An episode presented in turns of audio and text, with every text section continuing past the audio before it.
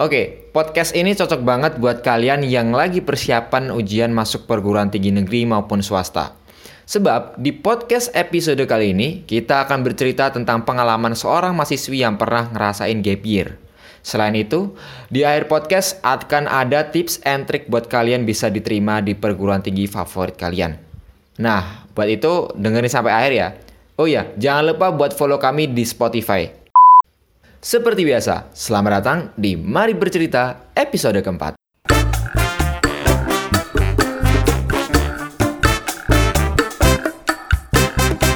Mbak Paras mungkin bisa saya hai dulu. Halo teman-teman, mari bercerita. Oke, suaranya bagus banget rek, sumpah cuk. Wah cuy, suaranya api tenan cuk. Ini sok-sokan kayaknya. Oke. Em, jadi gini, denger-denger nih ya, Mbak Paras itu adalah salah satu contoh orang-orang yang pernah ngerasain gimana sih sakitnya kena gap year. Mungkin bisa diceritain dulu ya dari Mbak Paras tuh perkenalan dulu aja sih. Siapa sih Mbak Paras? Silakan Mbak. Oke, pertama-tama kenalin namaku Paras Madia Kusuma Asri, bisa dipanggil Paras. Jadi seperti kata Wildan tadi, aku itu pernah gap year satu tahun. Oh ya, by the way aku kuliah di Universitas Jember, satu kampus, satu fakultas, satu jurusan tapi beda prodi sama Wildan gitu. Oh gitu ya. Iya. Makanya kita bisa kenal ya.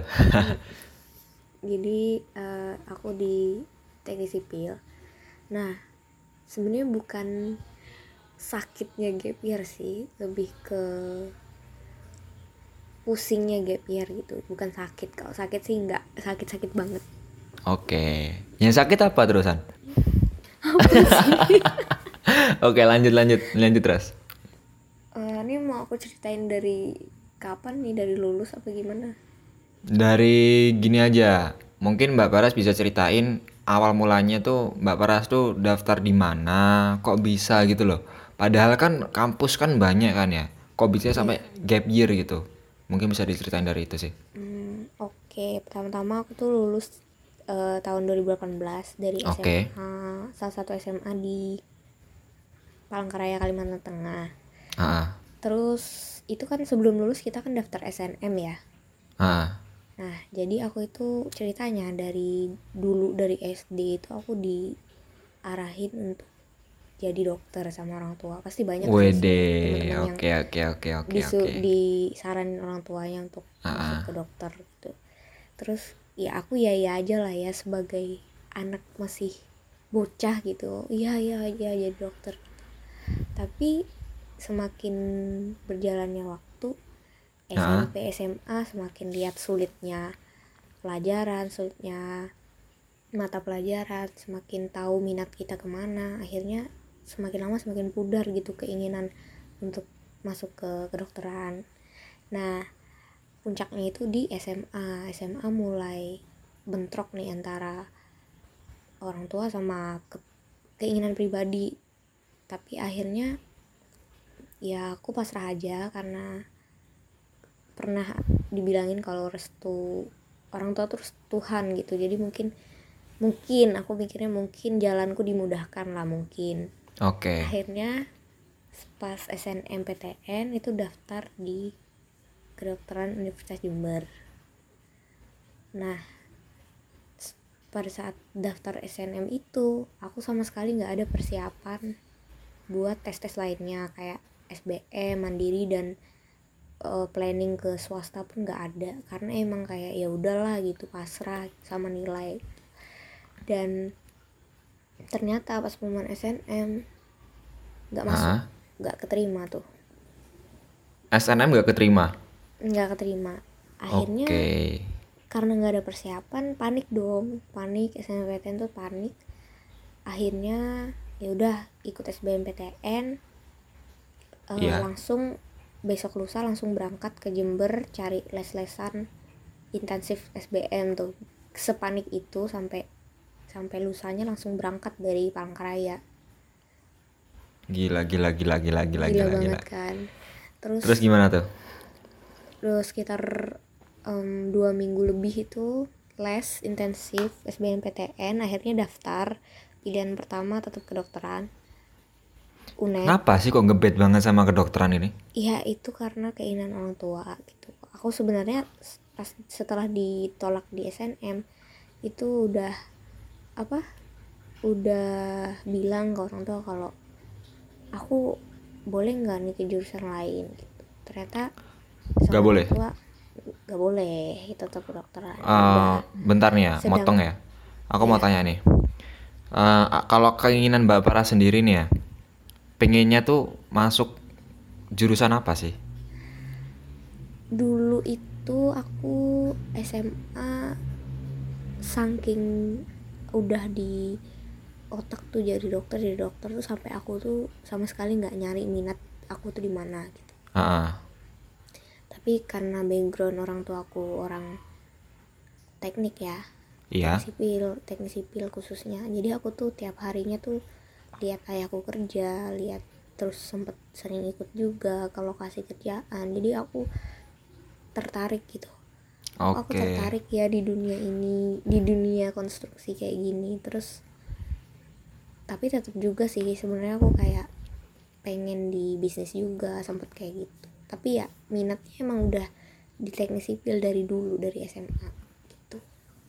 Oh berarti sebelum ah, bukan. Maksudnya berarti aslinya tuh Mbak Paras itu pengennya itu masuk ke teknik sipil ya? Bukan ke kedokteran kalau kedokteran iya. itu adalah keinginan orang tuanya Mbak Paras iya nggak iya benar oke nah terus Mbak Paras ini kan daftar di Kedokteran Universitas Jember. Iya.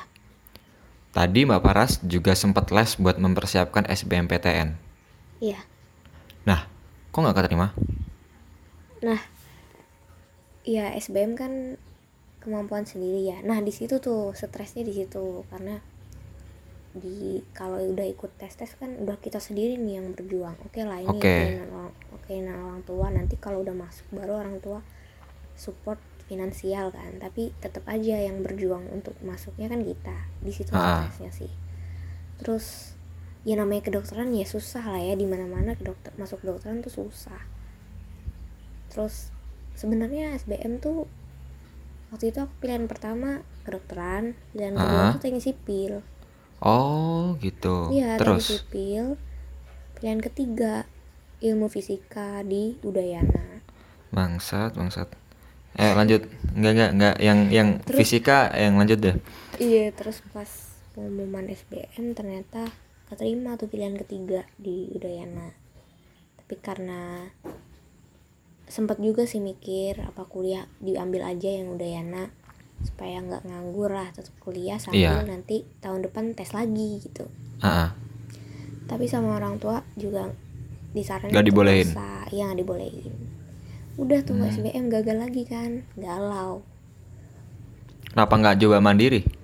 Nah iya tetap daftar mandiri.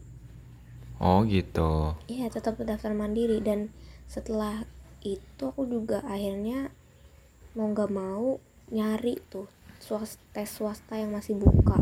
Gelombang dua ada yang gelombang dua ada yang gelombang tiga. Akhirnya mandiri nggak dapet kan. Iya. di unet di unet juga nggak dapet aku mandiri. Terus akhirnya nyoba di swasta nih di UMM Universitas Muhammadiyah Malang. Oke.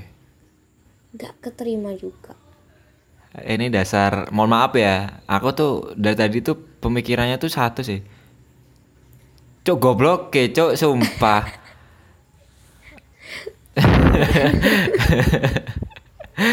Maaf ya, mungkin para pendengar nggak tahu ya kalau aslinya tuh aku orangnya nggak sok-sokan manis gini ya. Aslinya pengen dari tadi pengen hujat, jujur aja. Cuk, wis daftar neng gue Jember gak ketompo. Yo nek kedokteran ambek sipil yo sih mending kan ya nek gak ketompo. WMM gak ketompo, cuk, sumpah. Itu di WMM daftar apa kamu?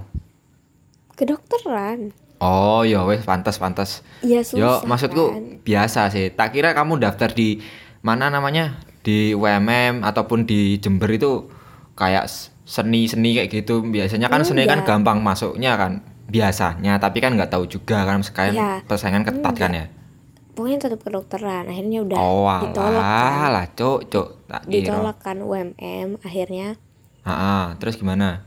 Akhirnya itu orang tua aku tuh kan aku di Jember waktu itu ya. Ah. waktu itu orang tua aku oh berarti kamu udah posisinya udah pindah ke Jember ah?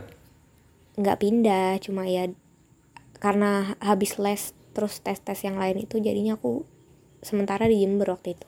Oke.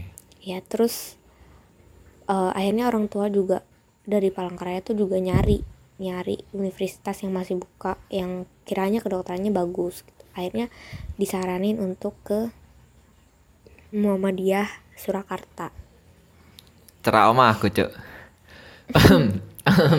terus terus lanjut akhirnya gimana? Itu sampai sampai ayahku sendiri yang nemenin. Jadi ayahku datang ke Jawa ketemuan di Surabaya akhirnya berangkat ke Solo nah oke itu sistemnya di Muhammadiyah Sol Surakarta itu sistemnya kita tes dulu terus Ha? setelah tes itu poinnya langsung muncul gitu loh jadi setelah, setelah selesai tes poinnya langsung muncul ya bagus dong Nah, nanti poin itu yang dipakai untuk daftar kira-kira poin itu cukupnya Ah, ah.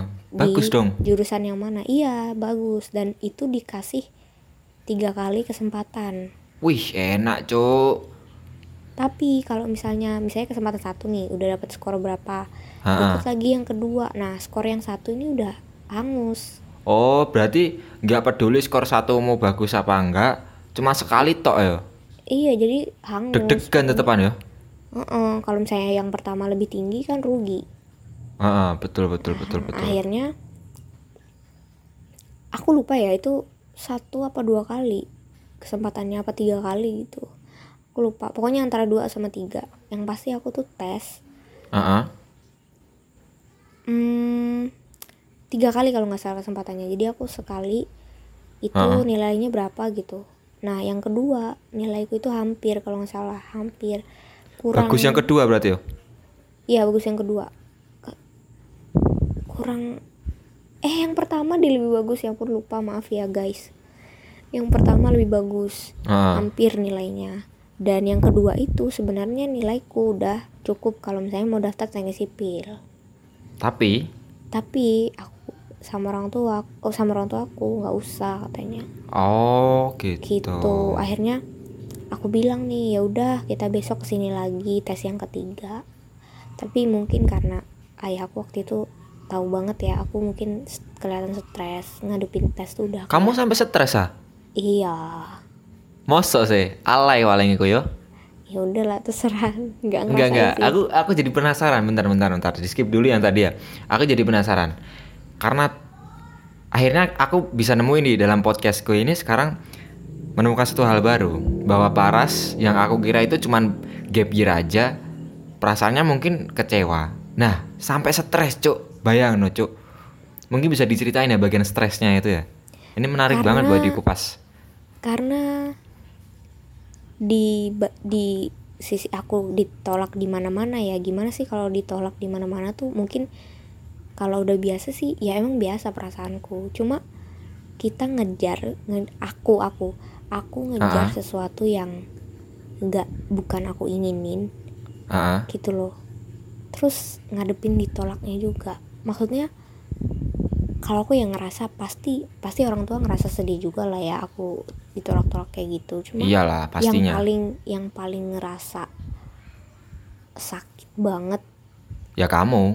Iya karena aku di sini belajar sendiri yang ngadepin ikut tes aku sendiri gitu. Ah. yang ditolak juga aku. Jadi kayak tapi ini keinginan orang tua aku. Jadi kan stres. Kelihatannya enggak memang kelihatannya enggak.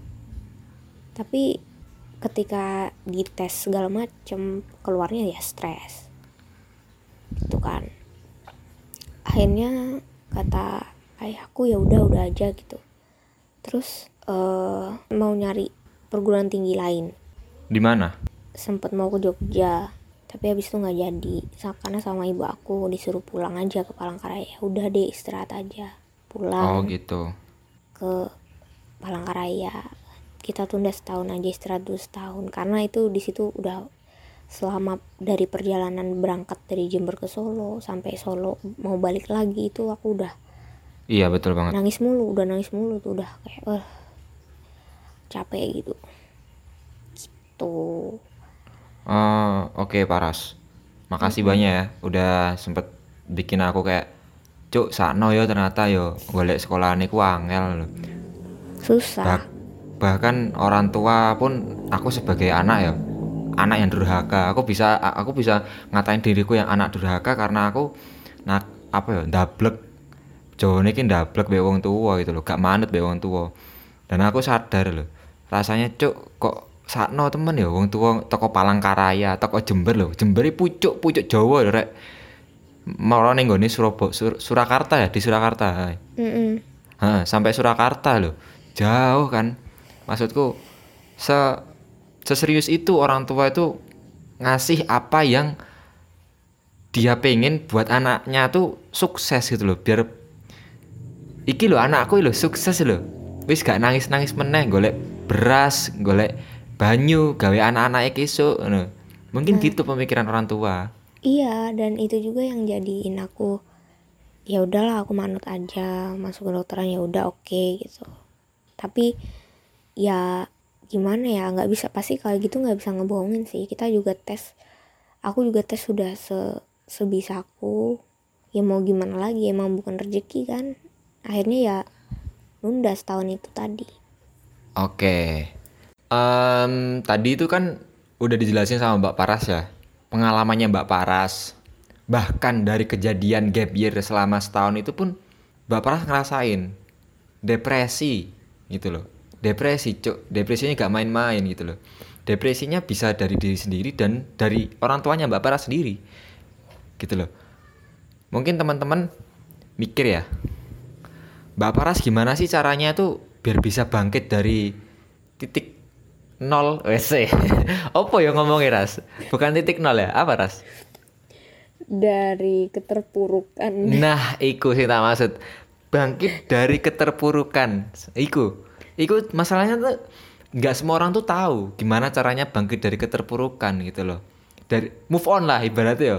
Cara sangar-sangarnya move on. Gitu. Hmm. Mungkin Mbak Paras bisa ceritain dikit lagi sebelum kita menuju ke tips and trick dari Mbak Paras. Tips move on dari Mbak Paras gimana? Sebenarnya nggak semudah itu ya. Kayak mungkin orang-orang kayak alah cuma kayak gitu doang tinggal tinggal nyiapin setahun belajar gitu nggak segampang itu. Ah, caranya aku bangkit sih berproses juga dari yang awalnya oke okay, istirahat tapi kan waktu itu tetap targetnya kan tetap kedokteran kan jadi selama setahun aku kudu belajar untuk masuk kedokteran yang susah banget oke okay. jadi tetap yang namanya motivasi belajar tuh tetap sebenarnya nggak ada uh -uh. karena karena bukan waktu itu aku nggak semangat gitu kan keinginanku. Bahkan uh, cerita dikit waktu itu aku les privat sama guruku yang ngajar aku les juga pas aku kelas 12 dan dia tuh jujur-jujuran sama aku bilang sama aku kalau selama aku les pas kelas 12 itu persiapan UN uh. aku itu dia bilang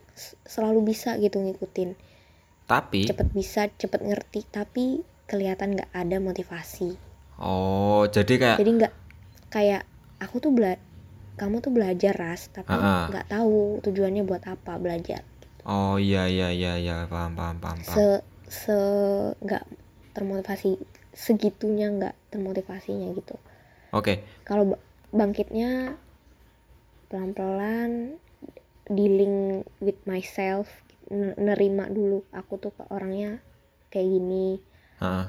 mampuku tuh segini. Terus yang kedua bu, uh, ngomong ke orang tua. Ya bu gini aku nggak bisa kayak gini gini. Aku maunya di sini di jurusan ini. Okay. kalau saya mungkin masih belum mengizinkan ya kasih aku waktu untuk mikir Wes, oh, jeru, jeru iki, jeru iki, mulai jeru iki. Aduh, aduh, aduh, aduh, aduh. Ya, lanjut, baru lanjut. Deh, baru deh di suatu waktu tuh ada ayahku bilang kalau aku tuh boleh. Milih teknik sipil tuh boleh. Itu jadi ketika itu aku langsung bener-bener semangat banget sih belajar uh, les privatku juga ya semangat. Terus juga sempat ikut kayak aku kerja supaya aku lebih yakin lagi kalau aku tuh minatnya di situ. Ha-ha. itu sih. Yang penting tuh dealing with yourself dulu.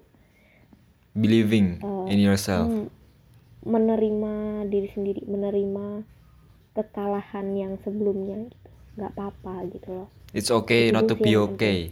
Seh. iya. Itu itu aja sih simple. Semua Oke, masalah siap, tuh bisa siap. terpecahkan kalau kita bisa menerima diri sendiri dulu. Oke, salut banget sama Mbak Paras ya. Tadi eh, kayak pelajaran-pelajaran yang bisa diambil dari Mbak Paras kan kita harus percaya sama diri kita sendiri bahwa kita itu aslinya bisa. Gitu. iya Nah, mungkin ya aku tuh pengen banget masih cerita banyak ke teman-teman tentang masalah aku tuh nggak dibolehin gini sama orang tua aku. Aku tuh harus masuk ke sini. Mungkin hampir kebanyakan aku kebanyakan tuh sama kayak Mbak Paras. Kalau kepinginan kalian tuh nggak dituruti sama orang tua. Tapi yakinin aja kalau orang tua itu mau menginginkan yang terbaik buat kamu gitu loh. Nggak pengen kamu tuh ngerasain apa yang orang tua rasain. Jadi let it flow aja dan jadi motivasi. Ingat yo yang buat denger podcastku mari bercerita episode 4 ini. Kalau motivasi yang paling utama menurutku itu satu anak bojomu kesok ate dipangani opo rek? Itu ae wis. Kamu mak nitipin itu di otakmu itu satu. Biar kamu tuh sregep belajar. Biar kamu tuh sregep sembahyang. Iya untuk teman-teman yang mungkin mirip-mirip lah ceritanya. Ini orang tua ya coba untuk ngomong lagi. Caranya gitu ngomong lagi. Terus mungkin ada juga teman-teman yang aduh aku salah jurusan nih aduh aku ini nih kudu pindah. Apa pun yang menurut aku apa pun yang terjadi di hidup kita ini tuh ada maksudnya. Sih iya berkat iya hikmahnya dari hikmahnya dari aku ditolak berbagai universitas dari berbagai macam tes. Ah, hikmahnya apa aku bisa masuk ke jurusan yang aku pengenin ah, ah. Enggak, itu yang pertama. Yang kedua? Itu yang pertama. Yang kedua jangan pernah sia-siain apa yang udah kalian dapetin sekarang untuk yang udah masuk kuliah ya. Oh ah, ah. karena apa? Di luar sana banyak banget orang yang pengen kuliah. Bukan Betul banget. orang yang betul. yang kurang Setuju. bukan hanya orang-orang yang kurang biaya nggak punya biaya buat kuliah. Ada juga kayak orang-orang kayak aku waktu itu. Aku tuh pengen banget kuliah kayak temen-temenku. Nggak pengen gap year nggak pengen kayak gitu. Pengen banget kuliah. Jadi itu yang selalu jadi pengingat aku kalau misalnya aku lagi capek kuliah banyak tugas. Nggak pengen banyak ngeluh karena aku inget masa-masa di mana aku nggak bisa kuliah nganggur di rumah.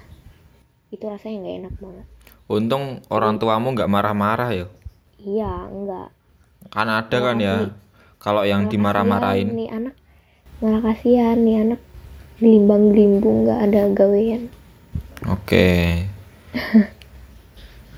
ya, satu lagi yo, tambahan. Manfaat kamu gap year yo bisa ketemu sama aku.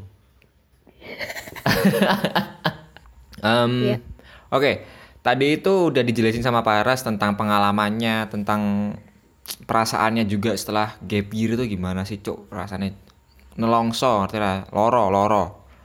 Nah, sekarang bagian terpenting dari sebuah cerita podcast pada episode keempat ini adalah gimana sih caranya biar kalian bisa sukses dalam SBMPTN? Mungkin dari Mbak Paras dulu gimana? Eh, sukses dalam tes tes masuk perguruan tinggi ya Oke. lebih meluas Oh iya bener bener bener. yang pertama ya pasti udah disiapin dari SMA dong kalau bisa malah dari kelas 10 udah dipikirin mau masuk jurusan mana udah didiskusiin sama orang tua gitu karena waktu tiga tahun di SMA itu kelihatannya lama tapi sebenarnya sebentar Ya Jadi gua udah betul. lulus udah harus daftar universitas gitu jadi harus udah dipikirin dari kelas 10 mau minatnya ke mana oh Iya. kalau misalnya nanti di perjalanan SMA itu berubah nggak apa-apa Heeh. sambil gitu loh daripada berubah-ubahnya pas akhir kan susah Iya. Udah dipikir mateng-mateng, diomongin sama orang tua. Kalau belajar sih itu orang-orang pasti udah tahu ya. Tentulah. Pasti semua belajar. Iya. Gitu. Mungkin terus jangan lupa juga siapin plan A, plan B. Misalnya plan A nggak masuk, ada plan B. Misalnya plan B nggak masuk, ada plan C. Pokoknya siapin banyak plan gimana gimananya. Yang penting itu deh. Yang penting keinginan kalian dan harus bisa tanggung jawab juga sama keinginan sendiri itu aja sih Oke, makasih banyak Mbak Paras udah hadir di episode keempat Mari Bercerita yang ada di Spotify ini. Nah, teruntuk teman-teman yang lagi berjuang membahagiakan diri kalian, membahagiakan orang yang ada di sekitar kalian, termasuk orang tua kalian, pesanku hanya satu. Tetap semangat dan jangan peduliin omongan orang lain. Impian kalian memang besar, dan saya yakin kalian semua pasti bisa. Terima kasih udah dengerin podcast Mari Bercerita episode keempat. Dan jangan lupa dengerin podcast-podcast yang lain. Selamat malam. Dadah.